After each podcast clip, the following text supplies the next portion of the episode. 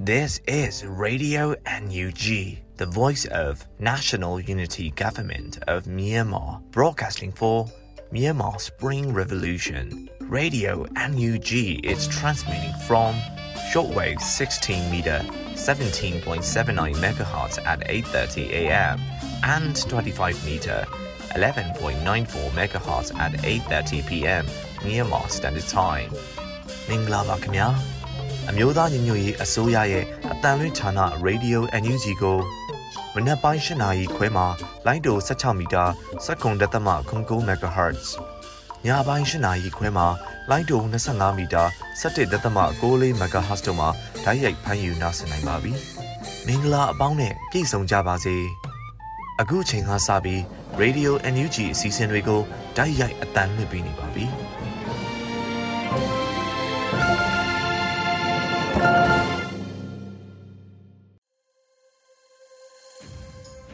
မြန်မာနိုင်ငံသူနိုင်ငံသားအပေါင်းတဘာဝပြီးဆရာနာရှင်ပြီးတို့ကနေကင်းဝေးပြီးကိုစိတ်နှပါဘေးကင်းလုံခြုံကြပါစေလို့ရေဒီယိုအန်ယူဂျီဖွယ်သားများကဆုတောင်းမြတ်တာပို့သလိုက်ရပါတယ်ရှင်။အခုချိန်ကစပြီးကာကွယ်ရေးဝန်ကြီးဌာနရဲ့စီရေးသတင်းချင်းချုပ်ကိုတော့ຫນွေဦးလင်ကမှဖတ်ကြားတင်ပြပေးပါတော့မယ်ရှင်။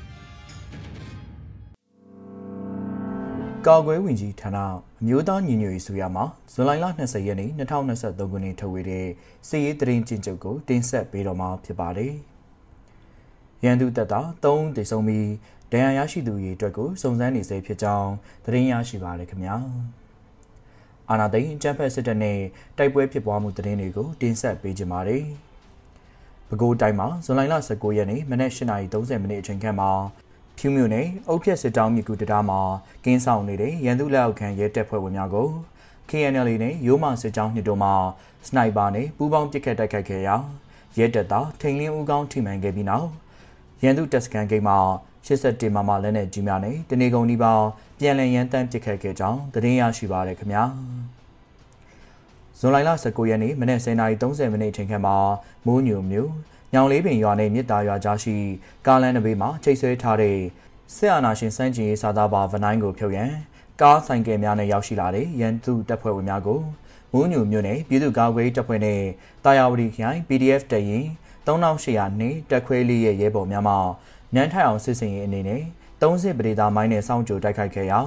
ရန်သူတပ်ဖွဲ့ဝင်2ဦးသေဆုံးသွားခဲ့ကြောင်းသတင်းရရှိပါရခင်ဗျာ။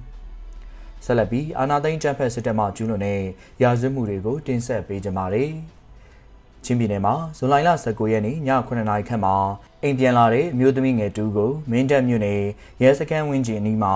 ရဲကင်းဆောင်ရဲတပ်သားကပြစ်ခတ်ခဲ့တဲ့အတွက်ကြောင့်ထိခိုက်ဒဏ်ရာရရှိခဲ့ကြောင်းသတင်းရရှိပါရခင်ဗျာ။မန္တလေးတိုင်းမှာဇွန်လ19ရက်နေ့ကမြင်းချံမြို့နယ်တောင်ပုံရွာသို့ရောက်ရှိနေတဲ့ရန်သူတပ်သားများက အမျိုးသားတူနဲ့အမျိုးသမီးတူကိုကြိုးတုပ်ထားပြီးရွာသားတချို့ကိုနေဘူးတဲထိုင်ထားခဲ့ကြောင်းသတင်းရရှိပါရခင်ဗျာဇူလိုင်လ19ရက်နေ့မှာမြင်းချံမြို့နယ်တောင်ပုံရွာမှာထိန်ပန်းရွာတဲသို့ရောက်ရှိနေတဲ့ရန်သူတပ်များကထိန်ပန်းရွာသား9ဦးအောင်ဖမ်းဆီးခဲ့ပြီးထိုင်ခိုင်းထားခဲ့ကြောင်းသတင်းရရှိပါရခင်ဗျာယခုတင်ဆက်သွားတဲ့သတင်းတွေကိုမြေပြင်သတင်းတာဝန်ခံများနဲ့သတင်းဌာနတွေမှာဖော်ပြလာတဲ့အချက်လက်တွေပေါ်အခြေခံပြုစုထားခြင်းဖြစ်ပါတယ်ကျွန်တော်ကတော့ຫນွေဦးလင်ပါ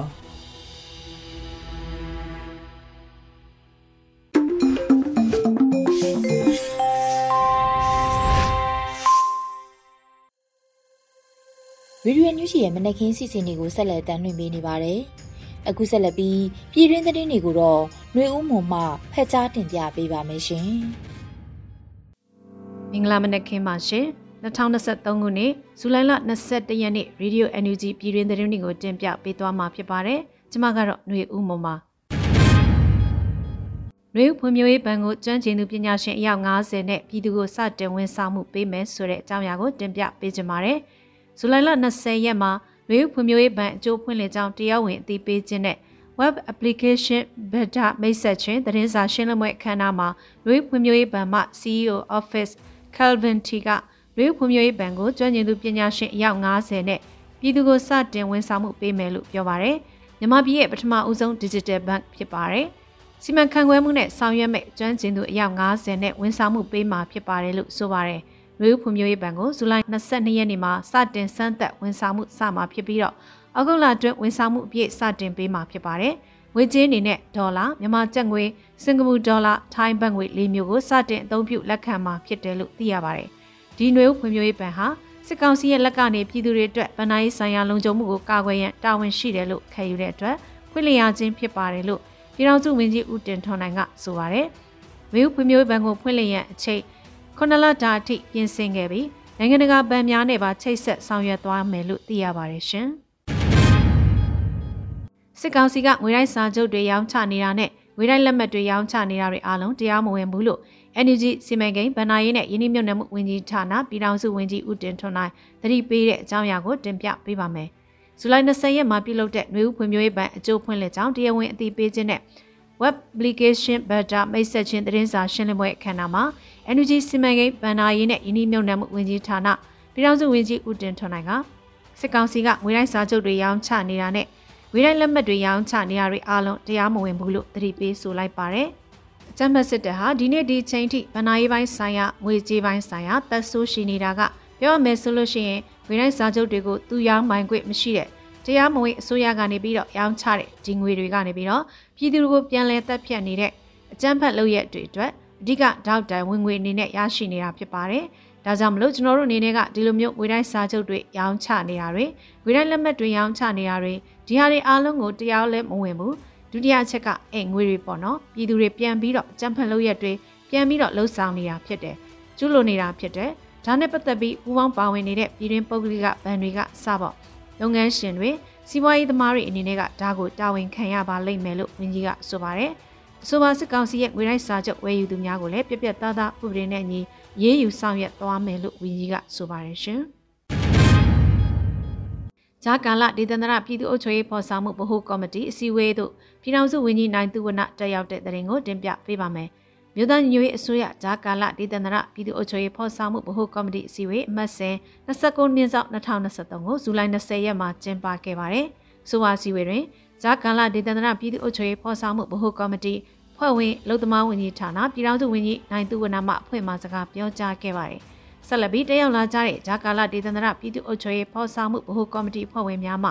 28မြင်းဆောင်2023မှာချမှတ်ထားတဲ့ဆုံးဖြတ်ချက်ရှစ်လုပ်ငန်းစဉ်များနဲ့ပတ်သက်ပြီးပြည်စည်းမှုအခြေအနေများနဲ့ဆက်လက်ဆောင်ရွက်ရန်ကြံရှိနေတဲ့လုပ်ငန်းစဉ်တွေကိုချပြရှင်းလင်းပြီးတက်ရောက်လာတဲ့တာဝန်ရှိသူများမှကျယ်တွင်ဆွေးနွေးခဲ့ကြပါတယ်။ဆိုပါစည်းဝေးသို့ပြည်ထောင်စုဝန်ကြီးများဒုတိယဝန်ကြီးများအမြဲတမ်းအတွင်းဝင်များတွဲဘက်အမြဲတမ်းအတွင်းဝင်များ ဌာနဆိုင်ရာများမှတာဝန်ရှိသူများတက်ရောက်ခဲ့ကြပါတယ်ရှင်။ Energy ထိန်းချုပ်နယ်မြေတွေမှာသုံးမိုင်းဆက်ချလန်တဲ့အခွန်ကောက်ခံခြင်းမဟုတ်ရင်ပြည်သူတွေအနေနဲ့အခွန်အခအတွက်ပေးစရာမလိုဘူးလို့စီမံကိန်းဗဏ္ဍာရေးနဲ့ယင်းနှမြုံနယ်မှုဝန်ကြီးဌာနဒုတိယဝန်ကြီးရှင်းလင်းတဲ့အကြောင်းအရာကိုတင်ပြပေးပါမယ်။ Energy ထိန်းချုပ်နယ်မြေတွေမှာသုံးမိုင်းဆက်ချလန်တဲ့အခွန်ကောက်ခံခြင်းမဟုတ်ရင်ပြည်သူတွေအနေနဲ့အခွန်အခအတွက်ပေးစရာမလိုဘူးလို့စီမံကိန်းဗဏ္ဍာရေးနဲ့ယင်းနှမြုံနယ်မှုဝန်ကြီးဌာနဒုတိယဝန်ကြီးဦးမင်းစရာဦးကပြောပါတယ်။ ဇူလိုင်20ရက်မှာနှွေဦးဖွံ့ဖြိုးရေးဘဏ်အကျိုးဖွင့်လှစ်ကြောင်းတရားဝင်အသိပေးခြင်းနဲ့ web application beta မိတ်ဆက်ခြင်းသတင်းစာရှင်းလင်းပွဲအခမ်းအနားမှာသတင်းသမားမေးမြန်းမှုအပေါ်စီမံကိန်းဗဏ္ဍာရေးနဲ့ယင်းနှမြုံနယ်မှုဝန်ကြီးဌာနဒုတိယဝန်ကြီးဦးမင်းစရာဦးကပြောပါတယ်ကျွန်တော်တို့ NUG အနေနဲ့တော်လေးထိန်ချုပ် area 38မြို့နယ်မှာခွန်ကောက်ခံနေတာရှိပါတယ်အိမ်တော်တွေကိုကောက်ခံခိုင်းတာမရှိပါဘူးလုပ်ငန်းကိုပဲခွန်ကောက်ခံတာရှိပါတယ်မြို့နယ်မှာရှိတဲ့ခွန်တော်ဆိုင်ရာခွန်တော်အရာရှိနဲ့ ခွန်ချလန်နဲ့ခွန်ကောက်ခံတာဖြစ်ပါတယ်။သုံးမိုင်းဆက်ချလန်နဲ့လုပ်ငန်းရှင်ကိုပဲကောက်ပါတယ်။ချလန်နဲ့မဟုတ်ရင်ပြည်သူတွေအနေနဲ့ခွန်ပေးဖို့စရာမလိုပါဘူးလို့ဒုတိယဝန်ကြီးကဆိုပါတယ်။မြို့သားညီညွတ်ရေးအစိုးရအနေနဲ့ပြီးခဲ့တဲ့ဒီဇင်ဘာလအထိကျပ်ငွေ30ဘီလီယံအထိကောက်ခံရရှိခဲ့ပြီးခွန်များကိုသုံးပုံပုံရိပ်တော်လှန်ရေးအတွက်စီစဉ်ခြင်းမြို့နယ်ပအဖသို့စီစဉ်ခြင်းပြည်ထောင်စုသို့ခွဲဝေပေးခြင်းတို့ကိုဆောင်ရွက်ကြောင်းသိရပါတယ်ရှင်။ စောမြို့နယ်မြင်းကတောင်ကျင်းချောင်းလန်ခွဲငကမောက်ချန်တောင်ပေါ်များတွင်စစ်ကြောင်းထိုးလာသောရန်သူတပ်ကိုတိုက်ခိုက်ချင်းမွန်ခဲ့ရာရန်သူတပ်သား18ဦးသေဆုံးပြီးအများပြားဒဏ်ရာရရှိတဲ့တဲ့ရင်ကိုလည်းတင်ပြပေးကြပါရယ်။စောမြို့နယ်မြင်းကတောင်ကျင်းချောင်းလန်ခွဲငကမောက်ချန်တောင်ပေါ်များပေါ်မှာစစ်ကြောင်းထိုးလာတဲ့ရန်သူတပ်ကိုတိုက်ခိုက်ချင်းမွန်ခဲ့ရာရန်သူတပ်သား18ဦးသေဆုံးပြီးအများပြားဒဏ်ရာရရှိခဲ့တယ်လို့ဇူလိုင်20ရက်မှာစီးရဲတဲ့ရင်ကိုပြည်သူ့ကာကွယ်တပ်မတော် PDF စီယုံကျုံကာကွယ်ဝင်ကြီးဌာနကအသိပေးဆိုပါရယ်။ ဇူလိုင်လ14ရက်နေ့မှ18ရက်နေ့အထိမကွေးတိုင်းကံကောခရိုင်စောမြို့နယ်ဒေသအခေါ်မြင်းငါတောင်ကျိန်ချောင်းလန်းခွဲနကမောက်ချန်တောင်မော်များတွင်စစ်တောင်းထိုးလာတဲ့ရန်သူတပ်တက်မ99ခွန်ခွန်101ပူပေါင်းအင်အား130ခန့်အားပြည်သူ့ကာကွယ်တပ်မတော် PDF ကံကောခရိုင်အမှတ်8အမှတ်73ခောက်ကူခရိုင်အမှတ်9အမှတ်19မကွေးခရိုင်အမှတ်1တရင်များပူးပေါင်းတိုက်ခိုက်ခဲ့ကြရာရန်သူ3ဦးကြာဆုံးပြီးထိခိုက်ဒဏ်ရာအများပြားရရှိခဲ့တယ်လို့ဆိုပါတယ်။ ဇူလိုင်လ16ရက်နေ့နဲ့18ရက်နေ့တို့မှာကံကောခရိုင်စောမြို့နယ်အကြည်တကင်းကျေးရွာနီရောက်ရှိလာတဲ့ရန်သူတပ်ရဲ့တက်မ99ခွန်ခွန်101ပူပေါင်းအင်အား180ခန်းအားပြည်သူ့ကာကွယ်တပ်မတော် PDF ကံကောခရိုင်အမှတ်3အမှတ်9မိမှုခရိုင်အမှတ်1အမှတ်2အမှတ်9တရင်များကပူပေါင်းတိုက်ခိုက်ခဲ့ရာရန်သူ15ဦးကကြာဆုံးခဲ့ပြီးကာကွယ်တရင်များအထူးကမရှိစုခွာနိုင်ခဲ့ပါတယ်ရှင်။ ဂျမ်ဘစီအုပ်စုကြောင့်ရှမ်းပြည်နယ်တွင်တရားကျော်သေဆုံးခဲ့ပြီး622ဦးမှလက်ရှိအချိန်ထိဖမ်းဆီးထိန်းသိမ်းခံရဆဲဖြစ်တဲ့ဆိုတဲ့အကြောင်းအရာကိုတင်ပြပေးပါမယ်။ဇူလိုင်20ရက်နိုင်ငံရေးအကျဉ်းသားများကုညီဆောက်ရှောက်ရေးအသင်းမှကောက်ယူရရှိတဲ့သတင်းအချက်အလက်များအရဂျမ်ဘစီအုပ်စုကြောင့်ရှမ်းပြည်နယ်မှာတရားကျော်သေဆုံးခဲ့ပြီး622ဦးမှလက်ရှိအချိန်ထိဖမ်းဆီးထိန်းသိမ်းခံရဆဲဖြစ်တယ်လို့ဖော်ပြပါရယ်။2021ခုနှစ်ဖေဖော်ဝါရီလမှ2023ခုနှစ်ဇူလိုင်လ20ရက်နေ့ထိ ဂျမစီအုပ်စုကြောင့်ရှမ်းပြည်နယ်တွင်ပြည်သူ112ဦးသေဆုံးခဲ့ပါတယ်။ဒါအပြင်ရှမ်းပြည်နယ်၌1096ဦးဖမ်းဆီးခံခဲ့ရပြီး622ဦးမှလက်ရှိချိန်ထိဖမ်းဆီးထိန်းသိမ်းခံရဆဲဖြစ်ကထိန်းသိမ်းခံရဆဲလူပုဂ္ဂိုလ်များနဲ့မတရားပုံမှားများနဲ့ထောင်ဒဏ်ချမှတ်ခံထားရသူ166ဦးပါဝင်တယ်လို့သိရပါတယ်ရှင်။ညာမြေကိုအားဖြည့်ဖို့မရောက်လိုက်အင်ကိုပြီးသိန်းစုခံပိတ်စုစုပေါင်း EOD share 3000 932ဆောင်တိတိရောင်းချပေးခဲ့ရပြီးဒေါ်လာ3သိန်း9000ကျော်ရရှိခဲ့တဲ့သတင်းကိုလည်းတင်ပြပေးကြပါမယ်။ညမီကိုအားဖြည့်ဖို့မြောင်လိုက်အိမ်ကိုအပြီးသိမ်းစုခံပိန်စုစုပေါင်း EOD ရှယ်ယာ3532ဆောင်တိတိရောင်းချပေးခဲ့ရပြီးဒေါ်လာ3သိန်း9000ကျော်ရရှိခဲ့တယ်လို့ဇူလိုင်20ရက်မှာ EOD ရှယ်ယာကအတည်ပြုဖော်ပြပါရတယ်။ညမီကိုအားဖြည့်ဖို့မြောင်လိုက်အိမ်ကိုအပြီးသိမ်းစုခံပိန်ဟာကြိုတင်သတ်မှတ်ထားတဲ့19ရက်ဇူလိုင်2023နေ့မှာပဲရန်နာခဲ့ပါတယ်။ ပြည်သူတွေကိုအသိပေးတိုက်တွန်းခဲ့တဲ့ဇွန်လ25ရက်ကနေနောက်ဆုံး campaign သိမ်းချိန်အထိစုစုပေါင်း EOD share 3532ဆောင်တိတိရောင်းချပေးခဲ့ရပါတယ်။ညာကိုခွန်အားဖြည့်ဖို့ဒေါ်လာ3သိန်း5000ကျော်ရရှိခဲ့တာပါလို့ဆိုပါတယ်။ကမ်ပိန်းမှာတက်ကြစွာအားဖြည့်ခဲ့ကြသူဒေါ်လန်ပြည်သူတဦးတယောက်စီတိုင်းကိုလေးစားစွာဥညွတ်ဂုဏ်ပြုအပ်ပြီးကောက်ခင်ရရှိငွေများအလုံးကိုအညာမြေပြင်သို့ဇက်တိုက်ပို့ဆောင်နေပြီလို့လည်းဆိုပါတယ်ရှင်။ ခုတင်ပြခဲ့တဲ့သတင်းတွေကို Radio NUG သတင်းတောက်မင်းတီဟန်ကပေးပို့ထားတာဖြစ်ပါတယ်ရှင်။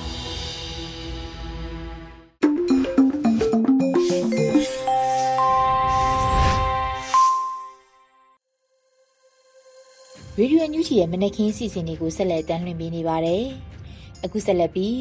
ဇူလိုင်လ20ရက်မှ28ရက်အတွင်းမုတ်တုံမုန်တိုင်းငယ်ဖြစ်လာနိုင်ခြေခံမှန်းချက်တွေကိုတော့မျိုးဦးနိုင်မှဖတ်ကြားတင်ပြပေးပါတော့မရှင်။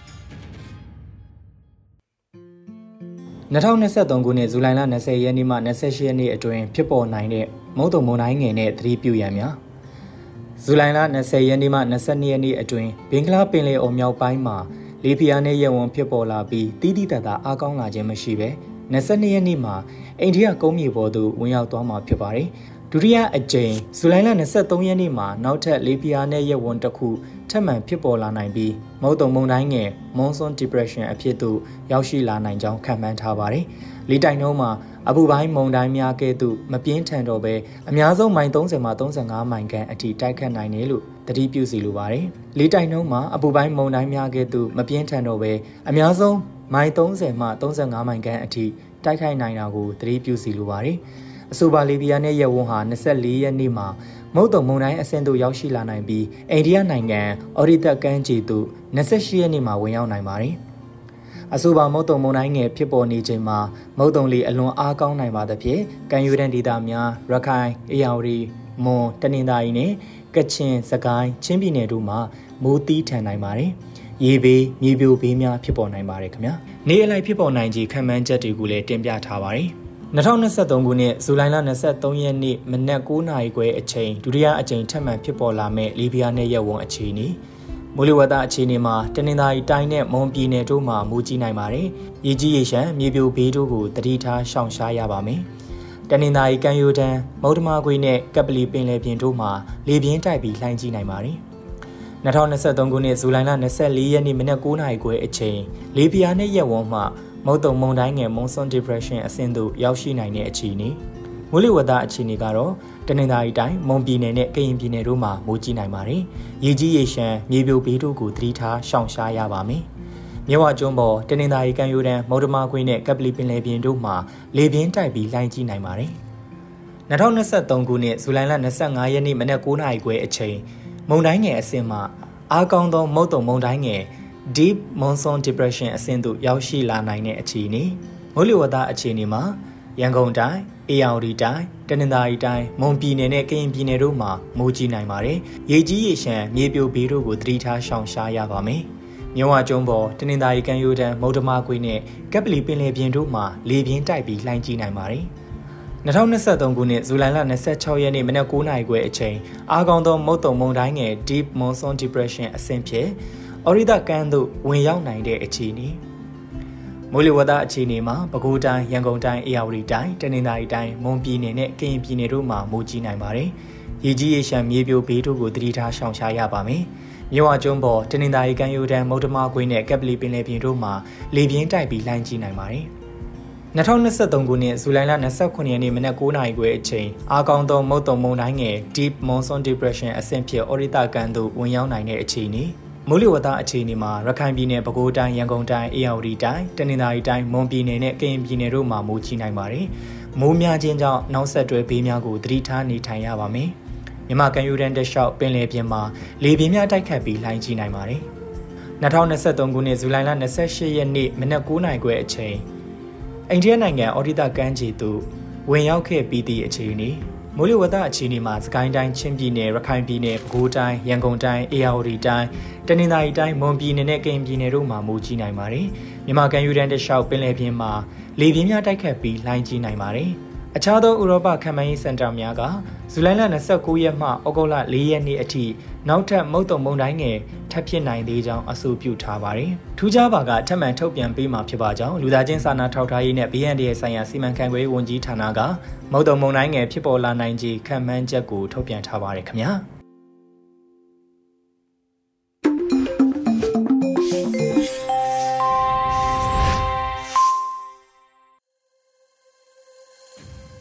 ရေဒီယိုညူးချီကိုနားတော်တာဆင်နေတဲ့ပရိသတ်များရှင်အခုဆက်လက်ပြီးတော်လှန်ရေးအစီဆောင်မအနေနဲ့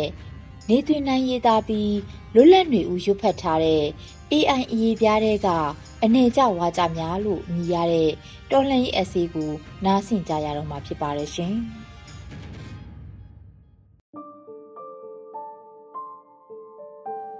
AI ရဲ့အရေးပြားထဲကအနေကြဝါကြများ မနဲ့လင်းသည်တကိုကြီးအဆက်တရားများသိမ့်ခောက်သည်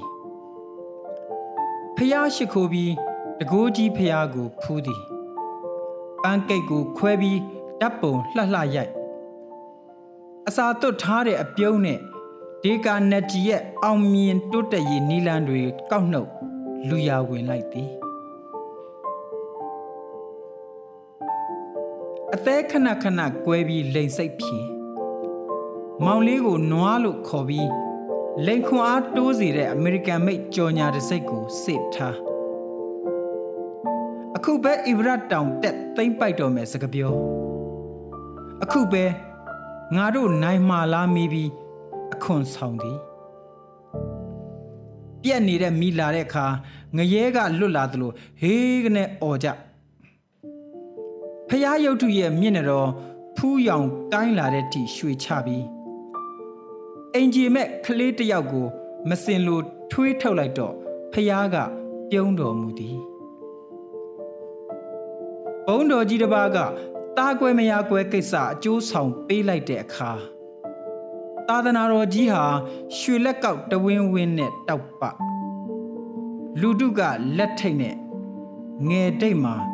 ကြည်ရနဲ့အစိုးကြုံတွေကလက်သီးတွေထွက်လာအပြီးမှာ စပကြီးမိထတောက်သည်အာနာထိန်အစိုးရဖြစ်ကြောင်းရွှေစွန်းကြိုက်ထားသူကအင်တာဗျူးဖြေ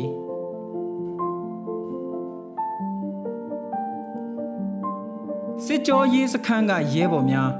ကောင်းကင်မှာပေါက်ရောက်ထုံကူးလို့မြင့်မှန်စိမ့်တတ်ထားတဲ့ပွဲတော်ကြီးလည်းမှာရှုခင်းတာသည် အရေးတော်ပုံကြီးအမြန်ပြီးမြောက်စေလိုကြောင်းဝိုင်ပလင်းကိုဖောက် KTV ပိတ်ကားထက်တချင်းစာသားအော်ဆိုသည်ကဘာတချမ်းရဲ့ပေါက်နေတဲ့လှေနံရံမှာလက်ပြတန့်သူများရဲ့ဖာထေးပြုပြင်မှုကြောခိုင်းကဘာတချမ်းရဲ့မျက်နှာစာမှာချက်နီးပြုတ်နီးစကင်ကဲနီးထုတ်လွှင့်သည်မြစ်ကမ်းနှစ်ဖူးမှာချစ်သူတို့ပျော်ကြ အေဒင်ရဲ့ဥယျင်တော်မှာချောကလက်အနမ်းများဖူးပွင့်ကြလေရင်ပြာများပြန်တက်သွားသည်ကို မသိကြအနေကြကြောက်များဖြစ်ထွန်းလာကြသည်နေတွင်နိုင်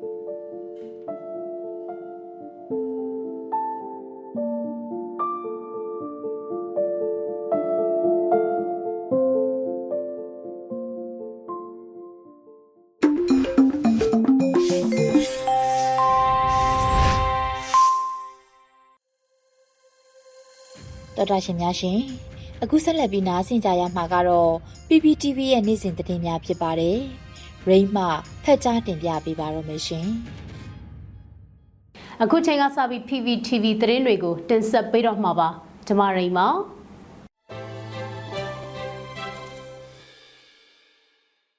ပထမဆုံးအနေနဲ့တင်ဆက်ပေးခြင်းတဲ့သတင်းကတော့ ဂျာကာလာတေသန္တရပြည်သူ့အုပ်ချုပ်ရေးဖတ်ဆောင်မှုဗဟိုကမတီနဲ့မြို့နယ်ပြည်သူ့အုပ်ချုပ်ရေးအဖွဲ့များတွဲဆုံဆွေးနွေးတဲ့တရင်မှာ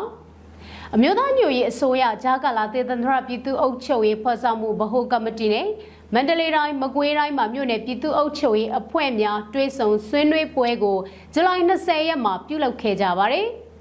အစည်းအဝေးမှာဂျာကာလာတည်တန္တရပြည်သူ့အုပ်ချုပ်ရေးဖော်ဆောင်မှုဗဟိုကမတီအဖွဲ့ဝင်စီးပွားရေးနဲ့ကုသရေးဝယ်ရေးဝန်ကြီးဌာန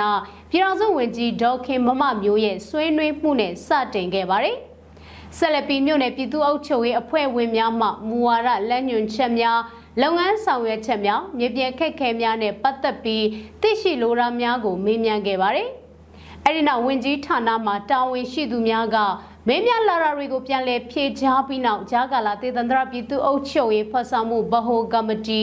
အဖွဲ့ဝင်အလုတ်သမားဝင်ကြီးဌာနပြည်ထောင်စုဝင်ကြီးနိုင်ထွန်းဖေခနိုင်သူဝနမှဏိကုံးချုပ်ဆွေးနွေးခဲ့ပါတယ်အဆိုပါတွဲဆုံပွဲသို့ပြည်ထောင်စုဝင်ကြီးများတူရပြည်ထောင်စုဝင်ကြီးများအမြဲတမ်းအတွင်းဝင်များတွဲဘက်အတွင်းဝင်များဌာနဆိုင်ရာများမှတာဝန်ရှိသူများနဲ့မန္တလေးတိုင်းမကွေးတိုင်းမှမြို့နယ်ပြည်သူ့အုပ်ချုပ်ရေးအဖွဲ့ဝင်များတက်ရောက်ခဲ့ကြပါတယ်။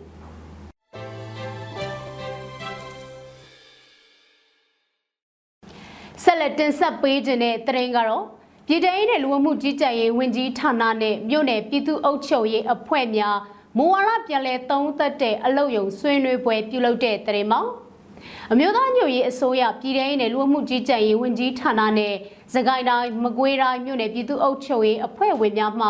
မူဝါဒပြန်လည်သုံးသပ်တဲ့အလုပ်ရုံဆွေးနွေးပွဲကိုဇွန်လ19ရက်မနေ့10:00နာရီမှာပြုလုပ်ခဲ့ကြပါတယ်။ အစည်းအဝေးမှာပြည်ထောင်စုနယ်လူမှုကြီးကြပ်ရေးဝန်ကြီးဌာနအမြဲတမ်းအတွင်းဝန်ကစကိုင်းတိုင်းမကွေးတိုင်းကမြို့နယ်ရဲ့လုပ်ငန်းများကိုတာဝန်ကျေပွန်စွာဆောင်ရွက်နေကြလို့အဆုံးသက်တိုက်ပွဲဆက်လက်ဆောင်ရွက်နေမှုကိုမမေ့ရန်လိုအပ်ကြောင်းပေးဆက်ခဲ့ရတဲ့ရဲဘော်များရဲ့တံပိုးကိုမမေ့ရန်လိုအပ်ကြောင်းယခုထပ်ပိုပြီးလုပ်ငန်းအဆင့်ပြေရန်အတွက် မူဝါဒများမှာပြင်ဆင်ဖြစ်ဆွရန်လိုအပ်တာများကိုပွင့်လင်းစွာအကြံပြုကြရန်ဖြစ်ကြောင်းပြောကြားခဲ့ပါတယ်။ဆက်လက်ပြီးစီမံကိန်းဗဏ္ဍာရေးနဲ့ယင်းနှမြုပ်နှံမှုဝန်ကြီးဌာနအမြဲတမ်းအတွင်းဝင်နဲ့ပြည်ထောင်စုနဲ့လူမှုကြီးကြပ်ရေးဝန်ကြီးဌာနတွဲဘက်အမြဲတမ်းအတွင်းဝင်တို့ကဆွေးနွေးခဲ့ကြပါတယ်။အဲဒီနောက်မြို့နယ်ပြည်သူ့အုပ်ချုပ်ရေးအဖွဲ့ဝင်တွေနဲ့ဝန်ကြီးဌာနမှတာဝန်ရှိသူတွေကမူဝါဒများနဲ့ပတ်သက်ပြီးအပြန်အလှန်ဆွေးနွေးခဲ့ကြပါတယ်။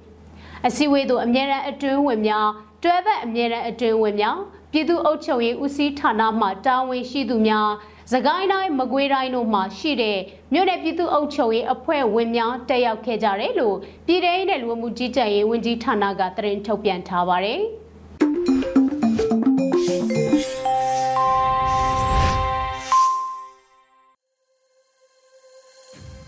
ရေဒီယိုညူချီကိုနာတော်တာဆင်နေတဲ့ပရိသတ်များရှင် အခုနောက်ဆုံးအနေနဲ့တော်လှန်ရေးတိဂီတာအစီအစဉ်မှာတော့တေးရီကိုပေါက်တေးဆိုမင်းမုံကွန်းရဲ့လှမ်းခဲ့တော့တငယ်ချင်းလူအမိရတဲ့တော်လှန်ရေးတိဂီတာကိုနားဆင်ကြရတော့မှာဖြစ်ပါတယ်ရှင်။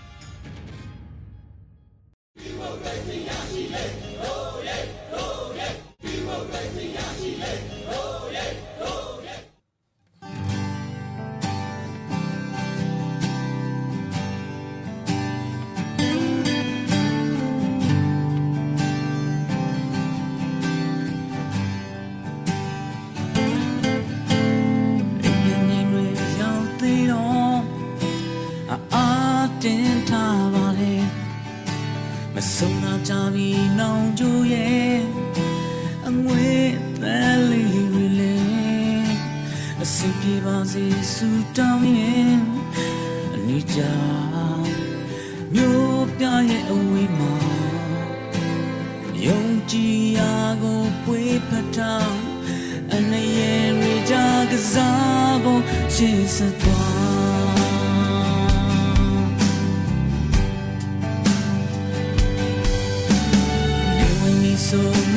တချို့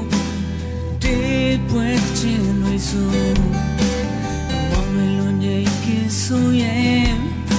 အသက်တချို့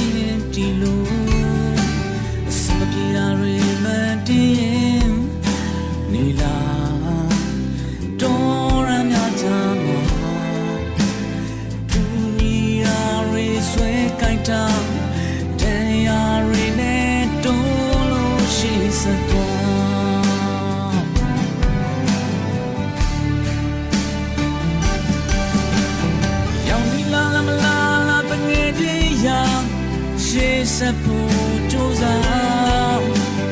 ရင်ခုန်တဲ့လူညီကိုရလက်တွေ့ကအဆုံးထိဆက်သွားကြအိမ်မက်ကိုကြိုးပြီးပန်းနာအိမ်ရောက်ကြည့်အောင်လန်း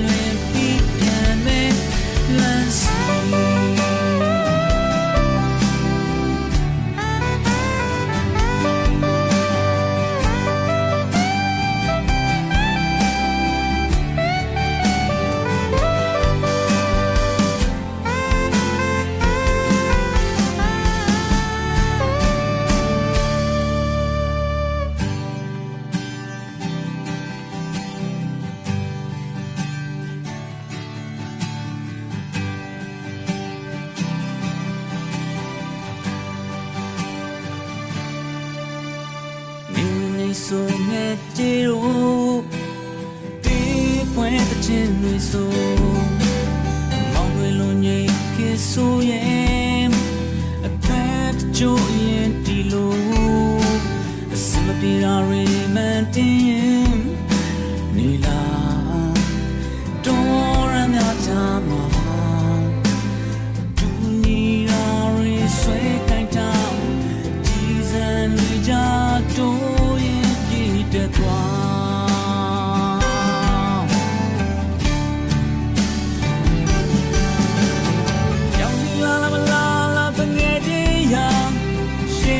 ဖို့ကြိုးစား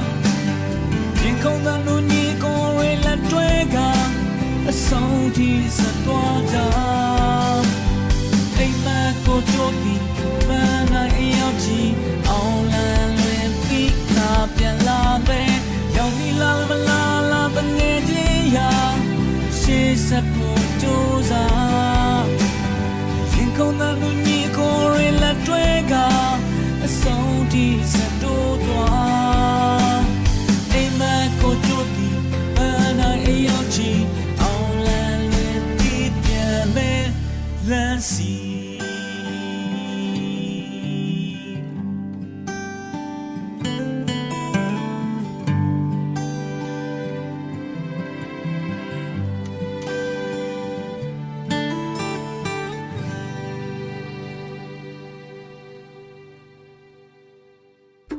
နေ့ကတော့ဒီညနေပဲ Radio NUG ရဲ့အစည်းအဝေးတွေကိုခਿੱတရနာလိုက်ပါမယ်မြန်မာစံတော်ချိန်မနက်၈နာရီခွဲနဲ့ည၈နာရီခွဲအချိန်တွေမှာပြန်လည်ဆုံးဖြတ်ကြပါစို့ Radio NUG ကိုမနက်ပိုင်း၈နာရီခွဲမှာလိုင်းဒို16မီတာစက္ကန့်တသမ9 MHz ညပိုင်း၈နာရီခွဲမှာလိုင်းဒို25မီတာ17သမ6 MHz တို့မှာဓာတ်ရိုက်ဖမ်းယူနားဆင်နိုင်ပါပြီမြန်မာနိုင်ငံသူနိုင်ငံသားများကိုယ်စိတ်နှပြကျန်းမာချမ်းသာလို့ ဘေးကင်းလုံခြုံကြပါစေလို့ Radio NUG အဖွဲ့သူအဖွဲ့သားများကဆုတောင်းလိုက်ရပါတယ်။အမျိုးသားညီညွတ်ရေးအစိုးရရဲ့စက်သွေးရေးသတင်းအချက်အလက်နဲ့ဤပညာဝန်ကြီးဌာနကထုတ်လွှင့်နေတဲ့ Radio NUG ဖြစ်ပါတယ်။ San Francisco Bay Area အခြေစိုက်မြန်မာမိသားစုများနဲ့နိုင်ငံတကာကစေတနာရှင်များလှုပ်အားပေးများရဲ့ Radio NUG ဖြစ်ပါတယ်